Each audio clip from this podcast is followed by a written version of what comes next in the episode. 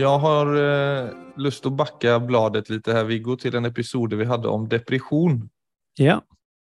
Som for dem som vil høre den etter at vi har snakket om dette, hette Generation depression og Der henviste du til en studie som var gjort av en psykiater som heter Joanna Moncrieves. Der det var ganske mye tvil rundt sammanhanget mellom depression og serotonin, om det ens var et sammanhang. Ja. Och det var det en av våra lyssnare som eh, hörde av sig runt och hade ganska, jag måste ju säga att det är ganska intressanta inspel här. Ja. Eh, och det som hon först startar med är ju att denna studien menar hon och en del andra psykiatere, er ganska mangelfull och har blivit ganska starkt kritiserat av fagfolk, bland annat i både in och utland. Så vil jeg bare lese opp en liten bit av mailen her. Jeg er ikke i tvil om at legemiddelindustrien fortjener kritikk på mange områder, og jeg følger poengene deres. Men jeg tenker at det kan være skummelt å så slik betydelig tvil om effekten av mediciner som kan fungere godt for mange, ikke alle, og potensielt sett også være livsreddende. Og på det grundlaget av en studie som skal være veldig svag. Så vidt jeg forstår, er det egentlig ingen som påstår varken at serotoninobalanse er orsak til depression eller at antidepressiva kurerer depression. Men det har lindrende og som dere sier, døyvende effekt for mange utan at man egentlig vet hvorfor. Og tilbys forhåpningsvis alltid i kombination med samtaleterapi. Detta står vel ikke nødvendigvis i noe motsetningsforhold til varandra. Det överordnade problemet är väl kanske heller att hela behandlingsfältet för psykiska lidelser per idag är mangelfull. fordi man fremdeles vet altfor för lite og det blir for lite satsat på sammenlignet med andre felter innom medicin.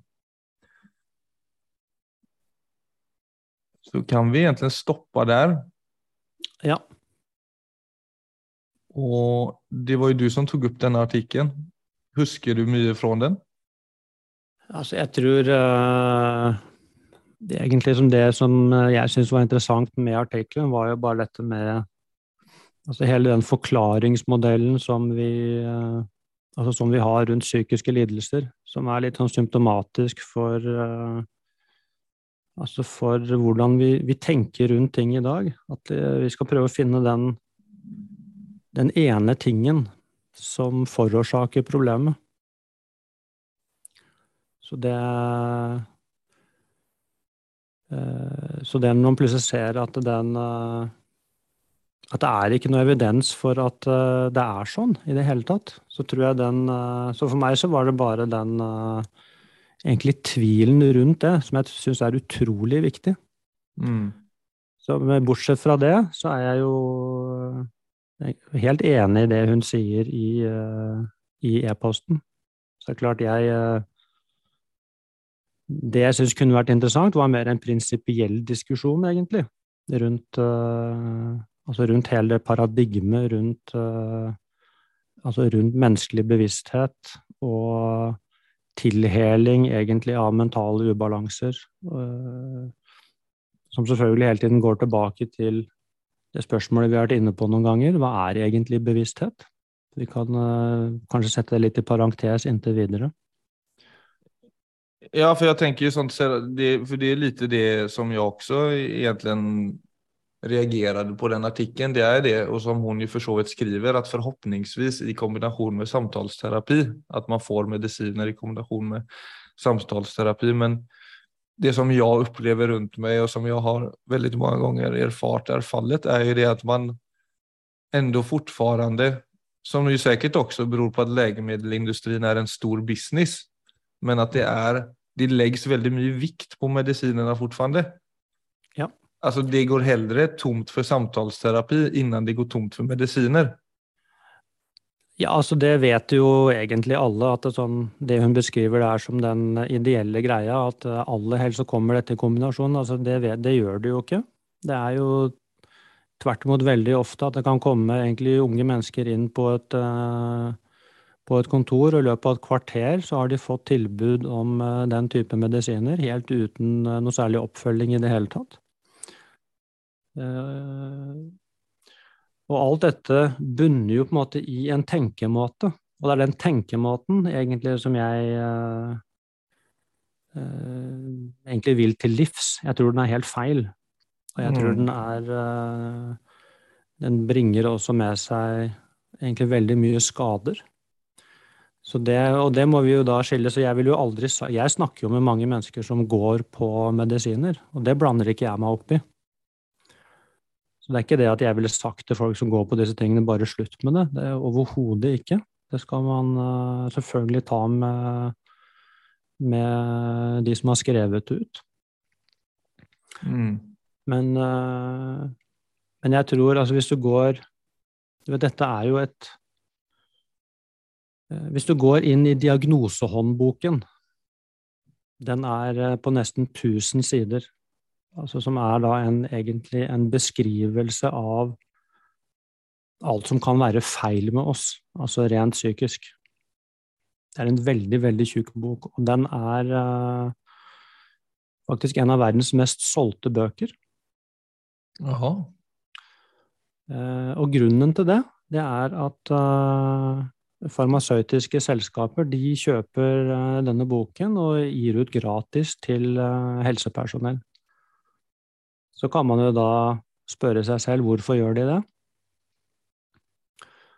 Eh, disse diagnosene de er eh, altså Grunnlaget for diagnosehåndboka det var bare en, en, liten gruppe amerikanske psykiatere som satt ned rundt et bord og synsa. Så det har ikke noe vitenskapelig grunnlag, faktisk. Det er herlig. Og, og, da var det først til å begynne med så var det rundt 170 diagnoser som de da ble enige om. Og når de var uenige, for det var de jo, så ble det avgjort ved håndsopprekning. Så så få mennesker var det som satt rundt det bordet. Dette er bare, fakt, dette er bare fakta. Og det som også er et fakta, det er at majoriteten av de som satt rundt det bordet, de hadde tette bånd til legemiddelindustrien. Så konsekvensen av dette blir jo det når folk kommer og forteller om symptomene, så må man først finne en diagnose, det finner man i denne boka, og så får man også da henvisning til hvilke medisiner som skal brukes. Og de som ja, eh, Dette er jo et stort system. Og det er klart at de fleste som er en del av dette systemet, de er bare med helt ukritisk og godtar at dette er vitenskapelig fundert. Men hvis man går det litt etter i sømmene, så, så er det vitenskapelige grunnlaget her det er veldig tynt. Og det vitenskapelige grunnlaget for selve utgangspunktet er ikke-eksisterende, nemlig at bevissthet er et biprodukt av hjernen. Det er også bare en antagelse som, uh, som er helt uverifiserbar, faktisk. Så, så det er veldig viktig at, uh, å si til alle som lytter på dette, er at uh, det jeg snakker om, er jo også helt uvitenskapelig. Men jeg tar meg friheten til å, til å tenke fritt. Og mm. til å selvfølgelig snakke om mennesker basert på, på det jeg selv har lest, og ikke minst det jeg selv har erfart, som går i en veldig, veldig annen retning. Altså så det jeg hele tiden peker ut, er jo dette med alt vi Altså det utrolige potensialet vi faktisk bærer, og evnen vår til, eh, til vekst og tilhelling gjennom å bli kjent med seg selv. Og at det innimellom kan være bruk for, eh, for andre ting, selvfølgelig. Men ikke i den skalaen som vi ser i dag. Det er for meg blitt snudd fullstendig på hodet. Mm.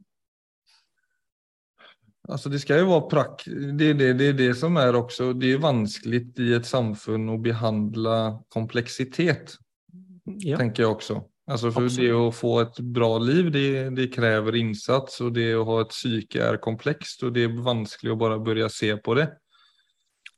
Så jeg skjønner jo det, alltså jag har jo selv en erfaring med det når jeg slet masse med søvn og jeg gikk til min läge og han skrev ut en medisin som skulle roe tankene, liksom. Mm. På en måte ble klassifisert som et søvnproblem. Men det jeg, altså det jeg hadde, var jo egentlig et angstproblem. Mm. Så det blir jo en Det blir en veldig Som du sier, det, det kan ta 15 minutter, og så får man en medisin. Det er veldig fort gjort at man havner i en sånn overflatebehandling. Om du er med ja. på hva jeg mener? Jeg tror det nesten er uunngåelig. Og det er ikke heller noen kritikk, men det er fortfarande noe som skjer hele tiden. Så jeg tror det er veldig viktig å se at det vi, det vi snakker om her, er jo ingen kritikk av enkeltpersoner. Og det er jo absolutt ingen sånn mistenkeliggjøring av eh, Altså, jeg kjenner jo selv masse helsepersonell, og, og, og alle er altså virkelig Du vet, alle, alle, er velmenende, alle ønsker å hjelpe til. Så det er jo det er ikke sånn at Men for meg så er det en systemkritikk. Mm. Og, det, og det er en diskusjon vi burde Den burde være lenger fremme Altså dette med å vokse opp i dag, eksempel, det det er vanvittig press på psyken til, eh, til, alle. Men du kan tenke deg også altså det å vokse opp i dag, altså med det presset som er på, egentlig på oppmerksomheten vår, og dermed på hjernen, og det å forme en identitet i den moderne verden i dag hvor alt flyter, det er jævlig utfordrende. Så det å komme i Kall det gjerne psykisk ubalanse i oppveksten. Det, jo, det er jo normalt. Altså, mm. er, vi har et enormt følelsesregister, og mange av de følelsene er kjempevanskelig å håndtere. Så det å, for det første, det at vi skal begynne å dempe eh, følelser som er normale, det syns jeg vi burde eh, diskutere, for det første. Og det å komme med en helt annen informasjon til unge mennesker om, uh, om uh, Egentlig om hva som er normalt. Det er der mye av dette starter. Og hvis jeg Så kan du godt si La oss si at jeg står nå i noe som er kjempeutfordrende. Og så kommer noen og skal hjelpe meg, og så blir det, så blir det døyva. Så vil jo jeg oppleve at den døyvingen mm. hjelper meg. Mm men den tar også bort muligheten til å se hva dette egentlig handler om. Så det er også en prinsipiell diskusjon. Altså Når skal vi egentlig gå inn og døyve, og når skal vi hjelpe folk til å gå igjennom? Men det er klart, det som er vanskelig her også, det, det er jo at de fleste har foreldre som selv ikke har gått igjennom. Så det er denne kunnskapen med å gå igjennom mm den er jo også veldig mangelfull. Så, så, på en måte, så hvis vi skal gjøre noe med dette, så er det akkurat som vi må begynne på scratch. Så klart, eh, Og hvis det skal skje Jeg er jo ikke dumme, jeg skjønner dette er jo veldig lange prosesser. Men eh, Men, eh, men Jo, men det er et fysisk problem altså det, det, det, det, er der det, det er der det på en måte slår volt. For det er jo et et, en holdning fra systemet sin sida om at dette er et problem som skal fixas. Ja. Og i utgangspunkt så gir det mening for om du har, låt oss si at du har en skulderskada, mm. så er ikke det nødvendigvis noe du skal prinsipielt sett vokse fra, eller som ska göra att du liksom når et større potensial i ditt inre, men det er igjen en, en skada som du vil fikse, helt konkret. Bare for å ikke ha vondt lenger. Absolutt. Men når du begynner, med, når du begynner holde på så med psyket, at alt som skjer som er vondt, skal fikses på, da vil du aldri heller nå de dalene som jo er, fall i min erfarenhet, de som har gitt min personlighet mest vekst, mest innsikt og egentlig mest framgång i, i mitt liv. For der er det jo den hållningen att som man jo hele tiden møter, at man vil jo instinktivt bare fixa det som er vondt i seg. Ja. Men så er det som du sier, det å liksom undersøke det, gå igjennom det, ha, en helt annan, ha et helt annet hållningssätt til det. Det er helt andre principer som gjelder for psyket enn hva det er for eh, en fysisk skade. Ja, men, men er jo, der er du tilbake til noe av prinsippet, Philip. For det, det, er det jo mange som ikke mener. Det er mange som mener at det er akkurat det samme prinsippet. Eh, så der er det også en prinsipiell diskusjon. Ikke sant? Så Er det så mange som mener det, tror du? Ja, det er jo det som er om det her, Så er det jo ganske ja, men husk på, Hvis vi nå går tilbake til eh, Nei, jeg tror hvis du snakker med enkeltmennesker, ikke sant, så vil vi jo alle trekke på vår egen erfaring. Så tror jeg det er, eh, vil komme veldig mange andre perspektiver inn.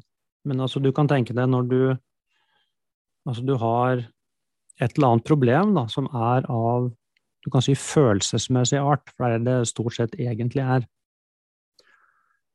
Og hvis du da går til et menneske som, som er uh, kjemiker, for det er det du veldig ofte vil gjøre, så vil de prøve å finne den Og de vil jo da påstå, så tankemåten er jo da Ja, nå har du på en måte en følelsesmessig problem, men det vil jo da de se på som et symptom. Og hva er det et symptom på?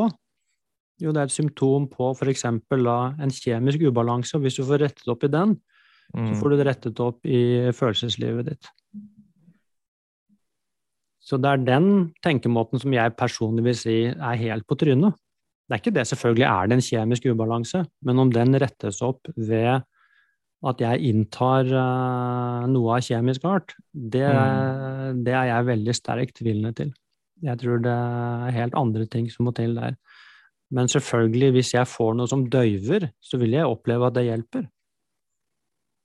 Men selvfølgelig så vil jeg jo ikke få gjort noe med hva dette Altså hva dette sier om meg og mitt liv, det får jeg ikke gjort noe med. Jeg får noe som døyver. Det Mm. er mye som døyver. Men altså hvis du ser på mennesker som døyver bort problemene sine, så tror jeg du vil se at uh, veldig sjelden at det ender et godt sted.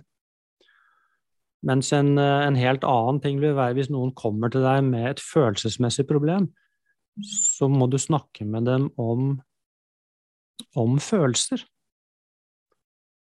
Uh, om det å være menneske. Og det er selvfølgelig det er en helt annen inngang til det problemet som dukker opp. Selvfølgelig også enormt mye mer ressurskrevende, men altså det er der egentlig den uh, altså Denne typen debatter sporer ofte av, for det er så steile fronter, og det er så veldig mye sånn for eller imot. Så det å klare å ha en prinsipiell diskusjon og holde seg der, det er uh, Jeg tror nesten aldri jeg har lest en eneste artikkel jeg, som holder seg der, egentlig. Men, uh, men det er der vi egentlig burde tatt tatt det første skrittet. Så hvis jeg Ja, så blir vel det også en sånn Eh, vi snakker jo til oss selv som om vi skal være redde for å ha det vondt. Og da blir det, alltså... Det er det at når man ikke har en, en, en dialog rundt det, at det å ha, det å ha smerte ikke er ensbetydende med negativt. Så føler jeg at man gjør alt man kan for å ikke ha det, og så blir det fort at det, det skal bare vekk. da. Ja, det tror jeg kanskje er også en av de prinsipielle diskusjonene som kunne vært uh, nyttig. Altså det å Det er liksom Det er bare å bli enig med seg selv med en gang. Altså det, innimellom så gjør det vondt å være menneske, men uh, man trenger ikke gjøre det til et problem. Det er umulig å unngå det, men det er en del av menneskelivet. Sant? Og det er det er mange faser i et menneskeliv. Det er veldig mange, det er mange overgangsfaser, og disse overgangsfasene, nettopp fordi de innebærer endring, så blir det ofte også peak point av smerte. Nettopp fordi vi, endring er vondt. Mm. Mens uh, Så det også å, å se at livet Det er mange sykluser i et liv. Og at alle disse overgangsfasene, det er også egentlig vekstfaser. Så det ville gjort det mye, jeg tror også det ville gjort det mye lettere å kunne stå i det. Å vite at det er akkurat det er noe som heter voksesmerter rent uh, fysisk. Vi har akkurat det samme psykologisk. Så Ja. Så på en måte så vil jeg jo, hvis jeg går tilbake til den e-posten jeg fikk, så vil jeg jo Altså, jeg syns det var veldig klokt formulert, så jeg er egentlig ikke uenig i, i noe av det hun sier. Men, uh, men egentlig så var uh, Ja. Det jeg egentlig ønsker å peke på, er noe som går uh, egentlig litt dypere enn enn bare dette med altså for eller imot medisiner. For at det jeg vil ikke si selv at jeg er imot medisiner, men, men jeg er definitivt veldig Altså hvordan dette brukes i dag. Jeg har fått så, hørt så utrolig mange eksempler på det selv, altså hvor det er uh, helt uten oppfølging og, og det greiene der. Så det er uh, Og basert også på et teorigrunnlag som selvfølgelig er ja, faktisk nesten ikke-eksisterende. Så jeg syns det er rart egentlig at ikke det er en større debatt rundt det. Og at hver gang eh, Altså den boken du snakker om? Oppslagsverket? Ja, blant annet. Ikke sant? Altså den eh, Altså egentlig så burde det vært en Google er en bra løsning ellers. Det burde vært en offentlig, kritisk gjennomgang av dette. Jeg syns det er veldig, veldig rart at uh, ikke det skjer.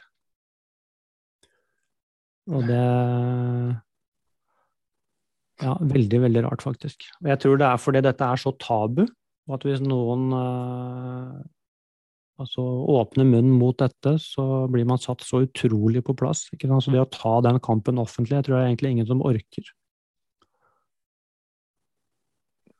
Så Men jeg tenker hvis jeg hadde vært forelder i dag, så ville jeg vært veldig opptatt av det. For at alle disse Den generasjonen som vokser opp, de skal jo gjennom dette. Og hvordan de blir møtt når de, eh, når de treffer livet.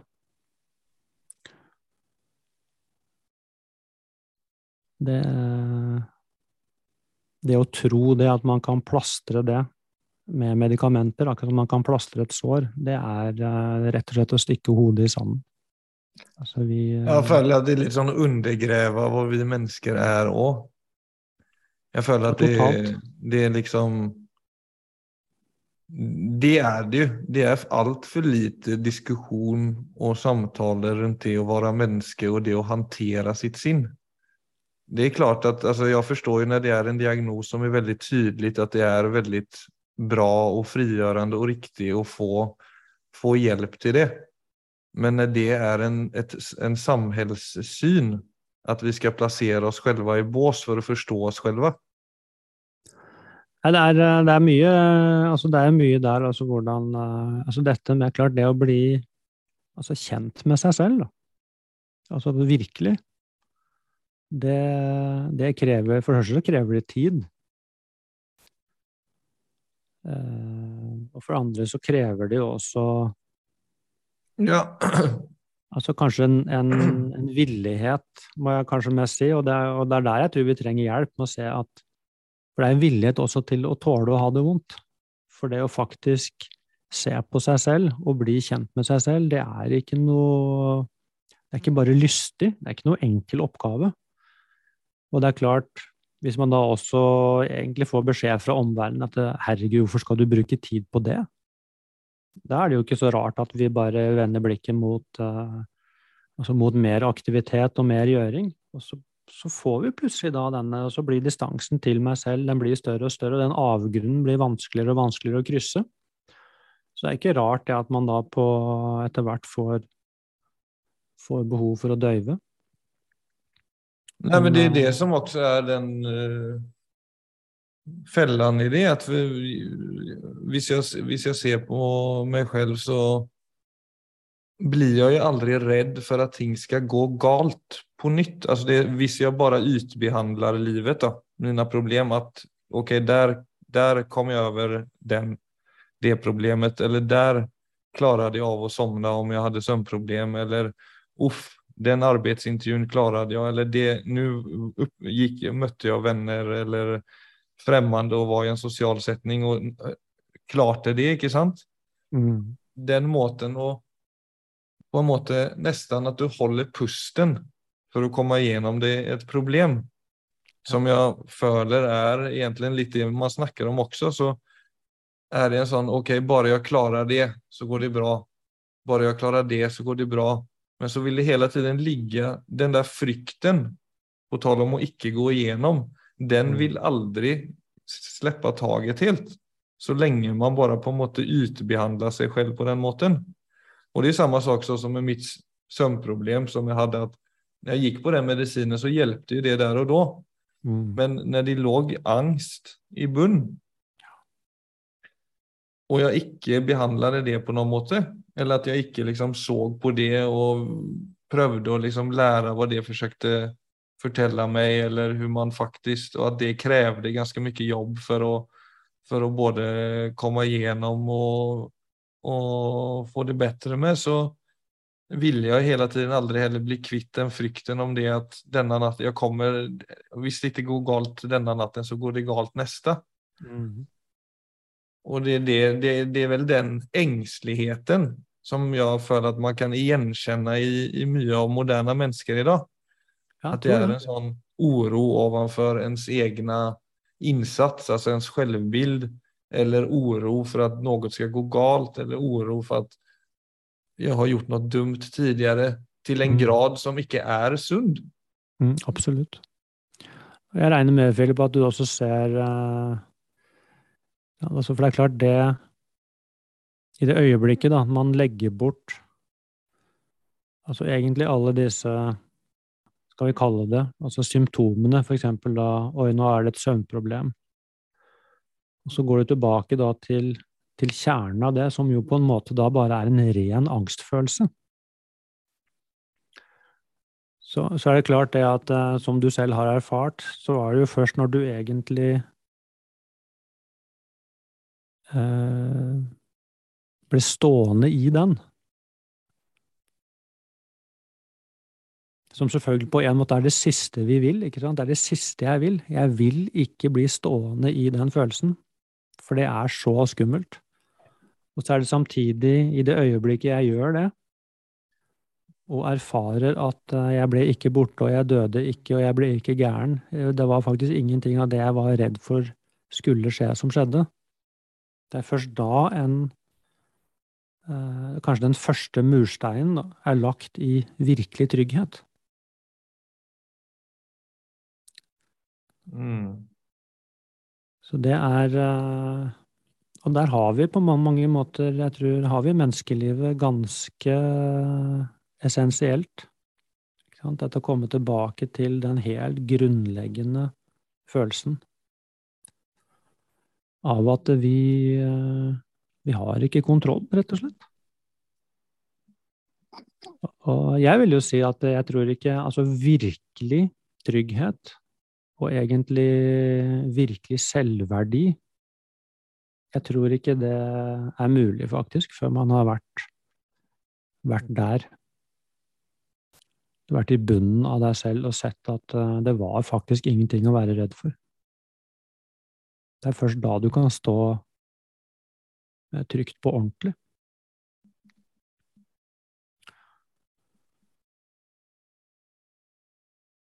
Og det gjør du ikke. Det gjør du ikke med mindre noen ja, Med mindre du blir, på en måte blir tvunget, egentlig, eller at, at du plutselig skjønner, fordi noen forteller deg det, eh, hvor viktig det er. For det er det mulig å forstå, faktisk. Det, for jeg tror dypest sett så bærer vi den kunnskapen. Så når noen snakker om det, så skjønner vi intuitivt at det er selvfølgelig. Altså, fordi alt annet er egentlig et liv på flukt.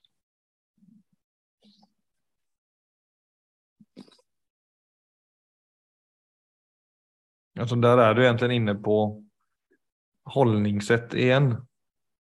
Ja, på mange måter. For det er, det er jo Ja, det kan jo ha så som alle situasjoner man opplever som vanskelige, hvis man bare skal bagatellisere rundt eh, et eh, medisinbruk, at det har en døyvende effekt, så gjør det at du slipper å møte det som er vanskelig, uansett egentlig hva som er vanskelig. Men du slipper den, den nodden som på en måte gjør at du freaker ut da, på et eller annet, på et eller annet ja. vis. Og alle har jo på en måte sine områder i livet som man kanskje syns er vanskelige. Mm. Og så kan, og det, da blir den døyvende effekten blir som du sier en slags flykt Ja. og metoden som på en måte For der er du kan jo, du kan jo gå inn i en situasjon og på en måte døyve deg selv eller holde pusten og kjenne at OK, jeg klarte det denne gangen. Mm. Og så går du tilbake, liksom. Eller så kan du gå inn i en situasjon som du syns er vanskelig. Mm. Og bare bestemme deg for å møte de følelsene, møte de tankene. Det er helt greit. Og ikke gjøre noe med dem. Egentlig bare slippe taket helt, slippe kontrollen og bare være være nærværende i det som skjer, oberoende av hva som skjer. Ja.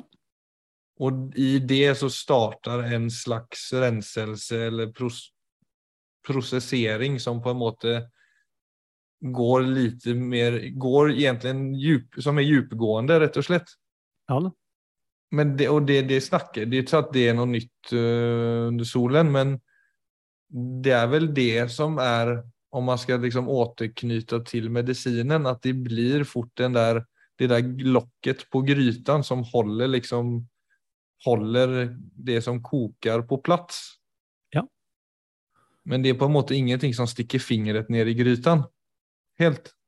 Nei.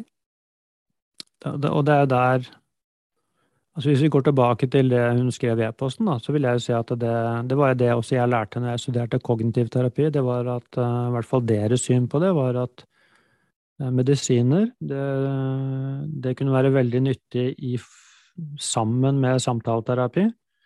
Og medisinsk funksjon da ville være å dempe symptomene så mye at uh, du fikk tilgang på personen. For at hvis man er si, for mye effekt, så kan man ikke reflektere. Så det var da å dempe liksom systemet nok til at man fikk tilgang. Mm. Og da gjennom å reflektere og forstå seg selv bedre, så kunne man gradvis bruke mindre og mindre medisin inntil man kunne gå av. Så Så hvis du ser på det, det kan man Så det vil jeg si Bruk av medisiner, så vil det for meg også være idealbeskrivelsen som, eh, som, sikkert skjer i visse tilfeller, og som selvfølgelig i mange tilfeller ikke skjer. Og så kan det også være det samme prinsippet man kan bruke med, med andre ting. Ikke sant? Altså dette med å øh, Altså dette med å egentlig slippe kontrollen og bare sitte med seg selv og sitte med eksistensen. Det er klart, det å gå fra masse kontrollstrategier til plutselig å slippe kontrollen, det kan man jo bare glemme. Så det er jo ofte en gradvis prosess der òg, med å sakte, men sikkert eh, slippe litt taket, litt taket, litt taket, inntil man eventuelt kan kjenne at jeg trenger faktisk ikke kontrollere noe som helst. Det kan jo ta årevis. Mm. Altså, hva som representerer tryggheten, det kan jo være veldig mye annet også enn medisiner, selvfølgelig, men jeg tror prinsippet vil være det samme. Ja, mm. Philip, skal vi si at det var nok for i dag? Ja. Det er eh, Iblant får man holde seg til én ting. det er ryddig, det. Ja. Men det er jo Jeg tror jo det er uansett rett eller feil, eller det er jo som du også innleder med, at man eh, må tillate seg selv å tenke rundt dette og forholde seg liksom Vi vet jo alle at både ensomhet og depresjon fortsetter å stige i verden, så det at vi sitter her og snakker om det, og at forhåpentligvis flere også gjør det, ja. det er på sin plass. Ja, det er uansett viktig. Og at vi tillater oss å tenke og reflektere, og også tillater oss uh, muligheten for selvfølgelig å ta feil så dette handler jo ikke om riktig eller galt, men altså, vi må snakke om disse tingene. Det er viktig. Når alle tenker likt, tenker ingen.